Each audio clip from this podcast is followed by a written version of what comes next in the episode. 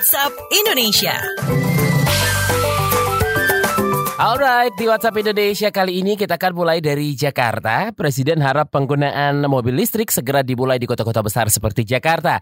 Selengkapnya kita simak reporter KBR Dian Kurniati. Selamat pagi. Selamat pagi. Uh, Presiden Joko Widodo meminta Gubernur DKI Jakarta, Anies Baswedan menyiapkan berbagai insentif khusus kendaraan listrik supaya semakin banyak masyarakat yang tertarik menggunakannya. Menurut Jokowi, Jakarta harus ikut mendorong penggunaan mobil listrik karena sudah berpolusi udara buruk. Insentif yang paling masuk akal, kata Jokowi, yaitu pemberian keistimewaan mobil listrik dalam aturan sistem lalu lintas ganjil genap, bebas tarif parkir, dan gratis biaya balik nama kendaraan. Presiden Jokowi pun telah menandatangani peraturan presiden tentang percepatan pengembangan kendaraan bermotor listrik atau mobil listrik. Menurutnya, dengan telah ditandatanganinya aturan itu, maka industri mobil listrik bisa segera mulai berproduksi. Dengan pemberlakuan BELI tersebut, Jokowi ingin mobil listrik produksi dalam negeri bisa dijual murah, sehingga akan banyak masyarakat yang menggunakannya. Demikian, saya Dian Kurniati melaporkan. Terima kasih Dian. Selanjutnya menuju Balikpapan, Pemkot Balikpapan larang warga dan panitia kurban gunakan plastik sekali pakai. Soal ini,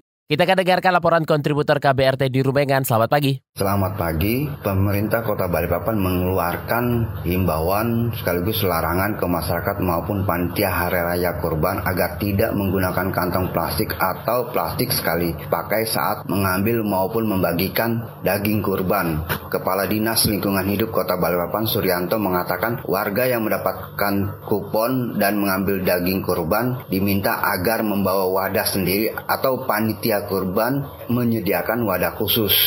Menurutnya, himbauan dan larangan tersebut sejalan dengan peraturan wali kota dan peraturan daerah tentang larangan menggunakan kantong plastik maupun plastik sekali pakai yang telah diterapkan sejak tahun kemarin. Demikian Teddy Ruman melaporkan dari Balikpapan. Terima kasih Teddy. Terakhir kita mampir ke Banyumas di mana komunitas Kejawen Banokeling rayakan Idul Adha Kamis Wage 22 Agustus 2019. Lebih lanjut dilaporkan kontributor KBR Muhammad Ridlo. Selamat pagi. Ya, selamat pagi. Komunitas adat Banokeling, Desa Puncan, Kecamatan Jatilawang, Kabupaten Banyumas, Jawa Tengah akan merayakan Idul Adha atau Bada Perlon Besar pada Kamis Wage, tanggal 19 bulan besar atau 22 Agustus 2019 mendatang. Lebaran Aboge ini selang sekitar 11 hari dari ketetapan pemerintah minggu esok. Juru bicara komunitas adat Banokeling, Sumitro, menjelaskan dalam kalender Alif Rebo Wage atau Aboge, tahun ini adalah tahun B. Pada tahun B, Bada Perlon tiba pada hari Kamis Wage. Sumitro mengemukakan uh, sama seperti umat Islam pada umumnya, anggota komunitas Banokeling pun akan beribadah kurban. Bedanya kurban disebut sebagai perlon, tetapi karena masih dua pekan lagi, belum ada laporan berapa hewan kurban yang akan dipotong pada Idul Adha komunitas Banokeling. Demikian laporan Muhammad Ridho dari Banyumas.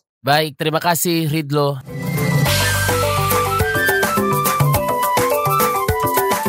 WhatsApp Indonesia.